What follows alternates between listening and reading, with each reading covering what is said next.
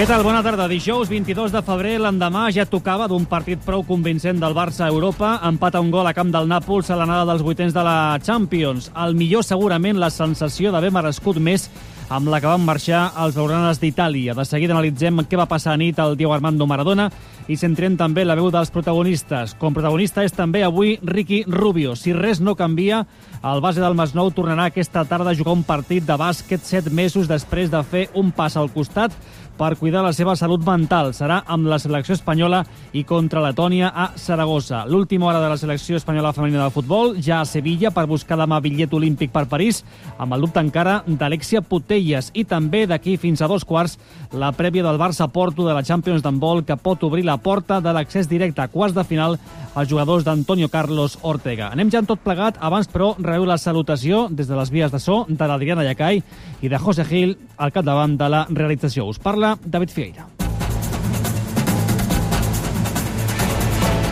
No, jugando así yo creo que tenemos muchos números para pasar, ¿no? Creo que hemos hecho un muy buen partido. Me voy satisfecho, hombre. Me voy satisfecho, pero con la sensación amarga de, de viendo el partido desde mi punto de vista era para, para ganarlo. Resum i valoració de Xavi Hernández del Nàpols 1 Barça 1 anada dels vuitens de final de la Champions jugat a nit el Diego Armando Maradona un partit que va viure i va explicar en directe a Ràdio Nacional en Germà Garcia. Què tal, Germà? Bona tarda. Què tal? Bona tarda. Doncs la veritat és que no va deixar bon sabor de boca l'empat d'ahir a Nàpols, tot i no ser un mal resultat de cara al partit de tornada d'aquí a tres setmanes a Montjuïc. Per fi van poder veure una versió, diguéssim, més seriosa del Barça, sobretot en el primer temps. Dominador del partit, tots ben endollats i fins i tot amb tres ocasions clares de gol en jugades de la Minja Mal, Lewandowski i Gundogan, que podien haver canviat el signe ja no només del partit, sinó de l'eliminatòria, si no hagués estat per les bones intervencions del porter Àlex Meret. Però no va ser fins al quart d'hora de la represa quan va marcar el gol. Obre una vegada més de Robert Lewandowski, que ja en porta marcat 5 en els últims 4 partits. Tot feia indicar que per fi veuríem la versió positiva del Barça lluny de casa en competició europea, un fet que se li resisteix pràcticament des dels últims 8 anys.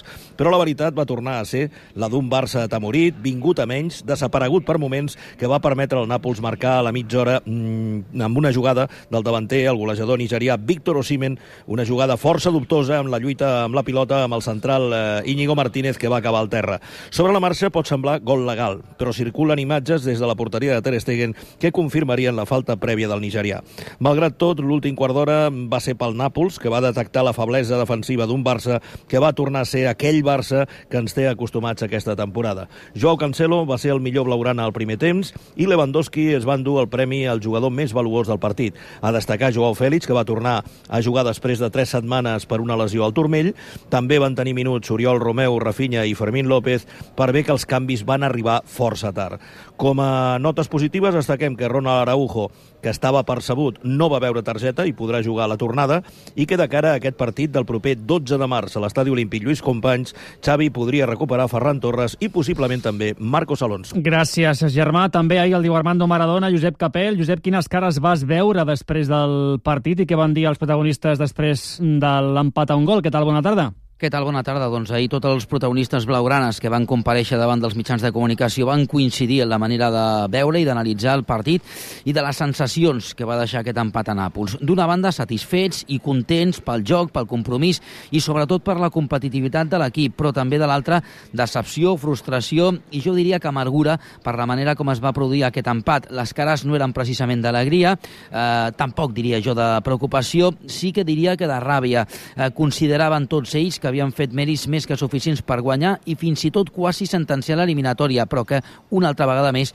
com moltes aquesta temporada, els hi havia penalitzat massa els errors. Ahir, els pocs errors que van cometre al llarg del partit. Tot i això, també es va veure en tots ells, en Xavi en roda de premsa i en Araujo i Condé en zona mixta, absoluta confiança en que havien fet un pas endavant i que resultaria la classificació definitiva pels quarts de final a Montjuïc, perquè creuen, insisteixo, que van tornar a competir molt bé en la màxima competició europea. Ara, però, toca aparcar la Champions tres setmanes i centrar-se novament a la Lliga perquè abans de la tornada a Montjuïc queden tres duels importantíssims al campionat. Recordem, aquest dissabte contra el Getafe a partir d'un quart de cinc a Montjuïc i posteriorment Bilbao i Mallorca a casa en divendres per tenir un dia més per preparar aquest partit contra el Nàpols. De cara a dissabte, avui hi ha entrenament de recuperació postpartit eh, en una estoneta, a dos quarts de dues. Demà, darrera sessió preparatòria a les 11 i roda de premsa de Xavi a la una. No es recuperarà el tècnic tècnic agarenc ni a Ferran ni a Marcos Alonso, però sí que podrien tenir més minuts perquè vagin agafant forma jugadors com Jo Fèlix o Sergi Roberto. Gràcies, Josep. Bona tarda i li posem veu a tot allò que ens acabeu d'explicar. Primer, Xavi Hernández, que parlava ahir d'un dels millors partits a Europa des que ell és l'entrenador del Barça. Per mi és una llàstima que el resultat no ens dona la raó. És a dir, si analitzem el resultat, eh, veient el partit, és una pena. És una pena, però estic molt satisfet de lo que hem treballat aquest temps que porto d'entrenador. Avui han sortit moltíssimes coses, no? Moltíssimes. Crec que avui ens podem sentir orgullosos de la imatge que ha donat el, a l'equip i com ha competit. Crec que és un molt bon partit de l'equip, sí. Eh, sí, eh, resumint així, a Europa, segurament un dels millors i amb la sensació d'haver merescut més i mirant ja aquesta tornada del dia 12 de març a l'Estadi Olímpic Lluís Companys. Escoltem Jules Condé i Ronald Araujo.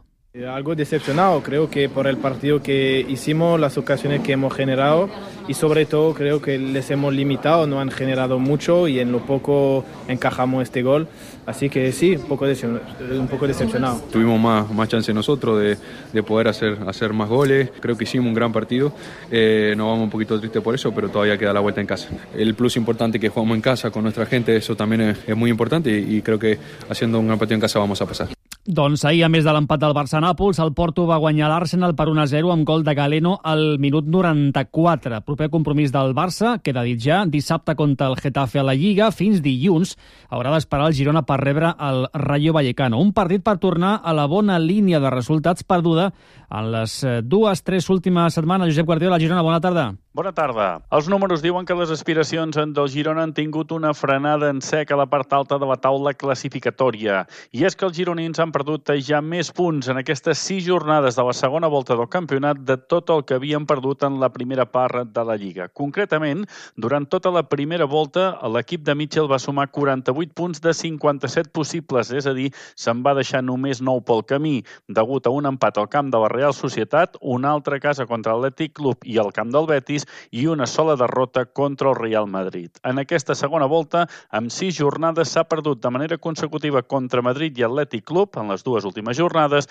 i s'ha empatat a casa contra la Real Societat. També es va empatar a 0 al camp de l'Almeria. Per tant, de 18 punts se n'han deixat 10 pel camí. Números que deixen clar que la frenada ha estat realment important. És per això que el partit d'aquest dilluns contra el Rayo es comença a veure ja com un punt d'inflexió més que important per tornar al capítol de les victòries i del rendiment que havia donat l'equip durant tota la primera part de la competició. Un encontre aquest pròxim en el qual Mitchell recuperarà Couto després de complir partit de sanció i caldrà estar pendents de l'evolució de Blin i David López, que en principi també haurien d'estar a disposició del tècnic. Per cert, contra el Rayo, una vegada més, tot exaurit. No hi ha entrades ja disponibles. El fet s'ha convertit ja normal aquesta temporada. Gràcies, Josep. Recordem dilluns aquest Girona Rayo Vallecano. I una més de futbol ja tenim a Sevilla les jugadores de la selecció espanyola femenina. Demà buscaran contra Països Baixos un lloc a la final de la Lliga de Nacions i de retruc, i més important segurament, plaça als Jocs Olímpics de París. Sevilla, Sara Gutiérrez, què tal? Bona tarda. Bona tarda, molt bé. Han viatjat 25 futbolistes. Al llarg del dia hem de saber si Alexia Putelles, encara de baixa mèdica, entra o no a la llista de 23 convocades pel partit de demà. I diem que són 23 perquè la UEFA només accepta aquestes 23 jugadores inscrites pel partit. La convocatòria de la selecció, recordo que és de 25, i la teoria ens diu que en un principi, si ens guiem per les que no tenen l'alta mèdica, les descartades haurien de ser Alexia Putelles, evidentment, i també Terea Belleira, són eh, les que han estat seguint un pla específic de recuperació, les que s'han estat exercitant al marge, però en tot cas la Federació Espanyola té fins les 11 i 59 d'avui per enviar aquesta llista, així que potser fins i tot ens n'anem a dormir sense saber la resposta. En tot cas, segur que podrem podrem respondre, no sé si aquest dubte, però molts altres aquesta tarda, perquè a les 5 de la tarda tant Montse Tomé com Irene Paredes eh, parlaran en roda de premsa. Això serà, com dic, a les 5 a la Cartuja. Tres quarts d'hora després tindrà lloc el primer entrenament precisament allà i la selecció de Països Baixos ja ha fet la feina, ja ha fet els deures perquè eh, elles ja han entrenat, encara queda pendent l'atenció a mitjans, però en tot cas recordo que el que deies tu, eh, que guanyi qui guanyi, eh, el més important del partit de demà és que qui s'endugui la victòria aconsegueixi el bitllet pels Jocs Olímpics de París. Gràcies, Sara. Bona tarda. Bona tarda. 1 y 25. Con nervios, eh, casi como un rookie más otra vez, pero la verdad es que me hacía mucha ilusión volver a la selección, fue donde lo dejé, y así que creo que es un punto y seguido después de, de esta experiencia. És la veu de Ricky Rubio. El 5 d'agost va deixar la concentració de la selecció prèvia al Mundial. Ho va fer per cuidar la seva salut mental. El 29 de gener d'aquest any, fa poc més de 3 setmanes, va tornar a entrenar amb el Barça. Dies després signava contracte fins a final de temporada i serà avui, a partir de les 8 contra Letònia i en partit de classificació pel proper europeu, quan Ricky torni a jugar. Així ho ha volgut el jugador, tornar allà on ho va deixar, amb la selecció, un ambient, diu, que sempre li fa sentir a gust i tranquil. Ricky forma part de la convocatòria de 12 jugadors que Sergio Scariolo eh, ha cridat avui per jugar a Saragossa. També hi són els blaugranes Joel Parra i Darío Brizuela. El partit, a partir de les 8, es podrà veure a Teledeporte. Un nom més, Michael Caicedo, arriba cedit pel Barça al Girona fins a final de la temporada. I una més de l'esport de la Cistella, l'Uni Girona rep a partir de les 7 al Galatasaray turc en partit d'anada dels quarts de final de l'Eurocup femenina. Roberto Íñiguez, entrenador del conjunt gironí, parla del seu rival d'avui. Un grupo de jugadoras con muchísimo talento, que todas pueden generar a, por talento individual. En eso no creo que sea un equipo muy táctico, pero sí creo que es un equipo que a base de ese talento mete muy fácil, anota muy fácil. Creo que hay que hacer las cosas, lo he dicho varias veces al equipo, las cosas básicas del juego hay que hacerlas muy bien. Passem del bàsquet a l'handbol. Jorge Agüero, què tal? Bona tarda. Bona tarda, David. Fase de grups de la Champions. Aquesta nit al Palau, Barça-Porto, amb els quarts de final sense passar pels vuitens a tocar pels blaugranes. Sí, perquè una victòria podria suposar el bitget matemàtic per als quarts, sempre i quan el Vesprem no guanyi el seu partit aquesta jornada, que també el juga aquesta tarda a tres quarts de set contra el GOG. Aleshores, quan comenci el Barça-Porto a tres quarts de nou, l'equip d'Antonio Carlos Ortega ja coneixerà si es dona aquesta possibilitat o no. Sigui com sigui, guanyar és imprescindible per assolir el pas a quarts, evitant els vuitens, i també per mantenir la primera posició cara al factor pista. Recordem que el Barça i el Magdeburg empaten a 20 punts a, per, per la primera posició, amb els blaulanes primers, i en tercer lloc el Vesprem, que a hores d'ara és eh, el primer equip dels quatre d'aquest grup B que hauria de jugar als vuitens de final. El Porto arriba en hores baixes a nivell classificatori, té opcions d'arribar als vuitens de final, però arrossega baixes molt importants, especialment a la posició de pivot, com remarcava ahir l'entrenador del Barça. Pues han sufrido dos, tres lesiones importantes, eh, han tenido que fichar de urgencia también, y esto quizás, bueno, pues está, yo creo que está también encajando las piezas, ¿no? Pero es un rival que de respeto, por supuesto, porque si juegan 7 contra 6 como están jugando mucho dentro de los partidos, siempre es una incógnita cómo defender, ¿no? Una superioridad numérica siempre y, y, y bueno, hay que, estar, hay que adaptarse, ¿no? Al Barça, dues baixes, Domen Macuc i Jaime Gallego. Després del partit d'avui, només quedaran dues jornades i la propera serà el partit contra el Magdeburg a Alemanya. Llavors, és molt important guanyar aquesta nit. Gràcies, Jorge. Bona tarda. Bona tarda. I un comiat al Barça de futbol sala a final d'aquesta temporada. Missatge de Ferrau. Hola, culés y seguidores del Barça. Antes de todo, quiero que lo sepáis, que tengo un respeto y un cariño muy grande por vosotros y agradezco todo el cariño que han demostrado hacia mí durante todos estos años y por eso os quiero contar una cosa y prefiero que lo sepáis por mí. La temporada que viene no jugaré más en el Barça.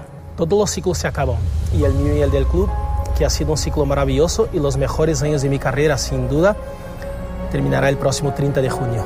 Ferrao és el segon màxim golejador de la història del Barça i posarà fi a 10 temporades de Blaugrana en les que ha guanyat, entre d'altres títols, 4 lligues, 4 copes i dues Champions. Ara, amb 33 anys, espera acomiadar-se a les pistes un cop es recuperi del trencament parcial del tendó d'Aquiles al turmell esquerre que va patir el passat mes d'agost. Ferrao, doncs, posarà fi a la seva etapa valorana a final d'aquesta temporada. Una més de tennis per acomiadar-nos. Rio de Janeiro, el torneig de Brasil, s'ha quedat sense catalans després de perdre ahir Albert Ramos davant l'argentí Cerúndolo. És tot pel que fa als esports. Arriba ara la Mireia Moreno amb la informació de Gaire General. Bona tarda.